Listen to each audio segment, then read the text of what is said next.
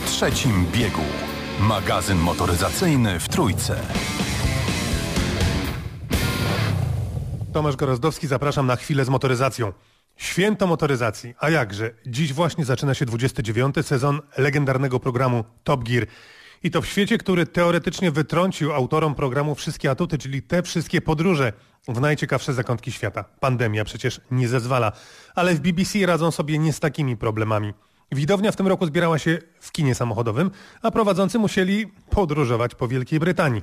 Na szczęście część materiałów była gotowa jeszcze przed pandemią.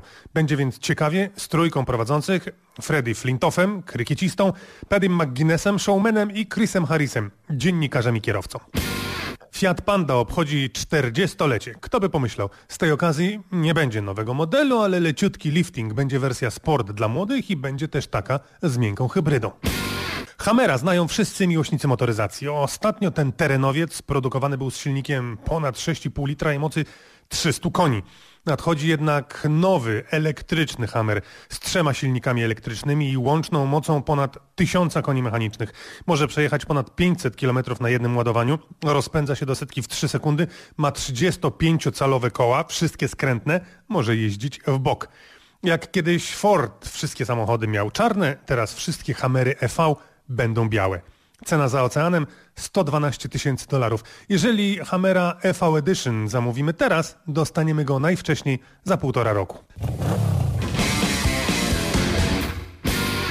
Coraz więcej osób decyduje się na korzystanie z samochodu, a nie jego kupowanie. Skoro nie musimy mieć, być na papierze właścicielem, bo w sumie co to zmienia, to po co kupować? Coraz bardziej popularne jest wynajmowanie samochodu na długi okres. 2, 3, 4 lata o co dokładnie chodzi, pytają Państwo? W skrócie, przez 2, 3, 4 lata nowy samochód straci na wartości określoną kwotę. I korzystając z wynajmu spłacamy tylko tę właśnie stratę wartości, a nie cały samochód. A potem auto oddajemy lub je kupujemy. Bardziej szczegółowo opowie Radosław Kitala z Arval Service Lease Polska. Co czwarty, co piąty samochód finansowany w tym roku jest w formie wynajmu długoterminowego. Jest to bardzo ciekawa forma, bowiem rzeczywiście płacamy tak naprawdę tylko i wyłącznie utratę wartości pojazdu. Nie musimy się martwić, co z nim zrobimy po zakończeniu umowy, bo takie ryzyko jego sprzedaży na rynku wtórnym bierze na siebie firma udzielająca finansowania, ale przede wszystkim klienci cieszą się z komfortu, jaki tak naprawdę daje full service leasing poprzez dodatkowe usługi serwisowe, serwisowe, ubezpieczenia, asystansu, też bardzo często karty paliwowe. Ale tak naprawdę w dzisiejszych czasach już nie tylko firmy, e, zarówno te duże korporacje, jak i małe i średnie przedsiębiorstwa sięgają po tą formę finansowania. Coraz więcej firm e, kieruje swoje oferty produktowe również do e, konsumentów. I tak naprawdę tak zwany private lease, czyli wynajem dla osób fizycznych również będzie zyskiwać w najbliższym czasie na znaczeniu także w naszym kraju. Gdzie jest jakiś kruczek? No bo mówi Pan, że co czwarty, co piąty samochód jest tak finansowany. Jeżeli tego rodzaju rozwiązanie finansowania pozyskania samochodu ma same plusy, to dlaczego nie 100% y, firm czy osób y, starających się o samochód nie korzysta właśnie z tego rozwiązania? Nasz rynek w dalszym ciągu się rozwija. Ta świadomość tak naprawdę produktowa rośnie i stąd tak naprawdę coraz więcej klientów sięga po tą formę finansowania. Ale nie można też e, zapomnieć, że tak naprawdę powodów, dla których decydujemy się na kredyt e, samochodowy, czy też na leasing e, bądź też finansowy, może wynikać też z potrzeb danego przedsiębiorstwa i to jest powód, dla którego tak naprawdę w dalszym ciągu pozostałe formy finansowania również e, funkcjonują na rynku. Jeśli porównujemy koszty użytkowania samochodu i koszty, jakie ponosimy płacąc ratę miesięczną czynszu versus to, co my sami musielibyśmy z własnej kieszeni wydać podczas tego samego okresu użytkowania pojazdu, się redukują, ponieważ tak naprawdę benefitem dla klienta jest to, że decydując się na wynajem długoterminowy, korzysta z warunków handlowych rabatowych, które posiadają firmy wyspecjalizowane, jakimi są właśnie e, wynajmujący. W związku z tym e, wówczas te koszty wcale nie są większe od e, tych, które sami byśmy ponosili, a wręcz de facto są mniejsze. Mimo, że wszyscy po drodze na tym muszą zarobić, klient nie zapłaci więcej albo nie dużo więcej? Faktycznie tak może być. Rzeczywiście, jeśli stosujemy na przykład ubezpieczenie,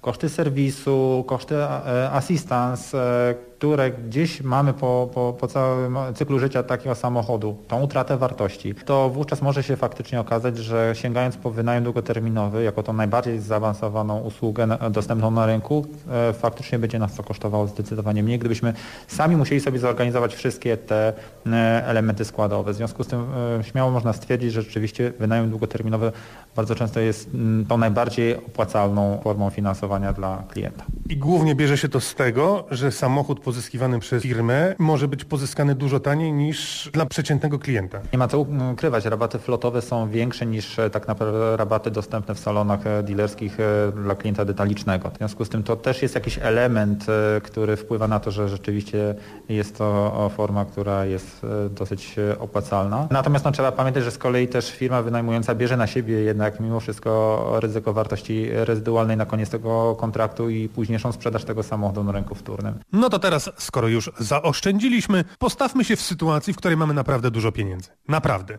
Że kupno samochodu za milion złotych na przykład nie jest dla nas wysiłkiem finansowym. A skoro nie jest, to może do tego samochodu jeszcze coś dorzucić, skoro nas stać. Co można dorzucić i za ile? O tym Juliusz Szalek. Gdy ostatnio konfigurowałem BMW 3GT z listy wyposażenia dodatkowego, wybrałem kilka przydatnych opcji. Nawigację, wielofunkcyjną kierownicę, aktywny tempomat, bezkluczykowy dostęp, otwieranie klapy bagażnika nogą i dodatkowe gniazdo USB dla tylnych foteli. Nawet na myśl mi nie przyszło, że w standardzie BMW nie ma lampki w podsufitce dla tylnej kanapy. Znaczy się, lampkę ma, ale zapala się razem z tą przy kierowcy. Osobna wymagała dopłaty. Moje niedopatrzenie. No bo co do tego ma sprzedawca? Nie powiedział i tyle, a ja mam kłopot podczas jazdy z dzieciakami. Z dodatkami tak już jest. Listy opcji nie mają końca. Połapać się w tym wszystkim nie jest łatwo, a niektóre ceny potrafią naprawdę zwalić z nóg. Szczególnie w segmencie premium. Tam im drożej, tym lepiej. No a wśród samochodów super luksusowych i super sportowych w tym świecie wszystko jest możliwe. Jak to mówią, sky is the limit. Do niedawna, kupując Rolls-Royce'a, najtańszy to wydatek 1,5 miliona złotych, z listy wyposażenia opcjonalnego można było wybrać jeden z chyba najdziwniejszych i najbardziej ekstrawaganckich dodatków. Świecącą statuetkę Spirit of Ecstasy. Cena? Jak to w Rolls-Royce bywa, podana na życzenie klienta. Jednak Rolls musiał wycofać ją ze sprzedaży. Powód? Ekologia. Okazuje się, że statuetka zaśmiecała otoczenie. Czym? Światłem. Tłumaczenie dość pokrętne, ale właśnie taka jest świadomość ekologiczna w Europie. Nowe regulacje Unii Europejskiej były więc idealnym pretekstem do pożegnania się z wątpliwej urody gadżetem. No bo sami Państwo przyznacie, świecąca figurka do Rollsa pasuje jak wół do karety. No ale o gustach się nie dyskutuje, zatem jakiego rodzaju dodatki można znaleźć na listach wyposażenia opcjonalnego? W Audi R8 Spider V10 Performance, czyli takim, które kosztuje niemal milion złotych, ma 620 koni mechanicznych i przyspiesza do setki w 3,2 sekundy, w standardzie jest naprawdę sporo ale równie dużo jest na liście wyposażenia opcjonalnego. Wybredni klienci mogą zamówić np. rozszerzony zestaw elementów wnętrza z błyszczącego karbonu za bagatela 10 750 zł, albo zawieszenie Audi Magnetic Ride ze stabilizatorem z włókna węglowego za 17 300.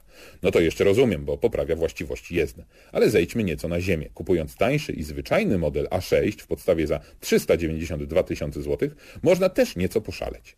Lakier specjalny kosztuje tu 16 690 zł. Gdybyśmy chcieli mieć w środku nieco karbonu, to trzeba dodać kolejne 4330 zł. Melomani mogą z kolei wybrać system Bang Olufsen Advanced Sound z dźwiękiem 3D, który kosztuje 34 940 zł. No i wtedy przydałoby się dobre DVD za kolejne 690 zł. Może i drogo, ale gwarantuję, że to i tak najtańszy sposób na dobre miejsce do słuchania muzyki. Najdroższym dodatkiem na liście Audi są jednak hamulce. Nie takie zwykłe, a ceramiczne. Do A6 trzeba za nie zapłacić tyle, co za kultowy model Fiata, a i tak trochę zostanie. 47 770 zł. Rozgadał się jak zwykle, jak to on może, a może naprawdę długo opowiadać, więc zastosujemy cięcie i redaktor Szalek wróci za tydzień z ciągiem dalszym opowieści o dodatkach w samochodach. Będzie o Maybachu, czy o samochodzie z centralnym odkurzaczem. No i to już jest coś. Teraz o samochodzie, o którym w zasadzie za wiele mówić się nie da. Znaczy da się, ale po co? Miałem okazję ostatnio poruszać się nowym Hyundaiem Tucsonem z silnikiem diesla 1.6 o mocy 136 koni mechanicznych i niewielkim elektrycznym doładowaniem. Od razu można powiedzieć, że w przypadku Tucsona silnik diesla jest chyba lepszym rozwiązaniem niż benzynowy. Spełnia wszystkie normy spalania z zapasem nawet i jest zdecydowanie bardziej oszczędny od wersji benzynowej. I przyjemniej się nim jeździ. Takie jest moje zdanie. Zawieszenie jest dopracowane, bagażnik wystarczająco wielki, miejsca w środku sporo, jest wygodnie. No i wygląd, który w dużej mierze spowodował tak świetną sprzedaż na świecie. W żadnym jednak chyba aspekcie ten samochód nie wywołuje jakichś ogromnych achów, nie jest wyjątkowy, ale też nic nie powoduje, że z niesmakiem się czemuś w nim przyglądamy. Jest jedna rzecz, ale o niej na koniec. Hyundai Tucson jest dobry, poprawny, bez zarzutów. I to chyba w pewnej mierze jest rekomendacja. Poprawne auto, które jest takie, jaki powinien być miejski SUV rodzinny. I tyle. Dobrze wyposażony, bezpieczny, dobrze się prowadzi. Mnie się nim dobrze jeździło, ale tej jazdy nie będę pamiętał za jakiś czas. Czy to dobrze, czy źle. A ta jedna rzecz bardzo denerwująca to drzwi nie zakrywające progów, więc wsiadając do tego dość wysoko zawieszonego samochodu, albo się będzie pani, pan bardzo starać uważać, albo spodnie czy spódnica będą regularnie uświnione. Takie życie. Na dziś to wszystko. Tomasz Gorazdowski. Dziękuję.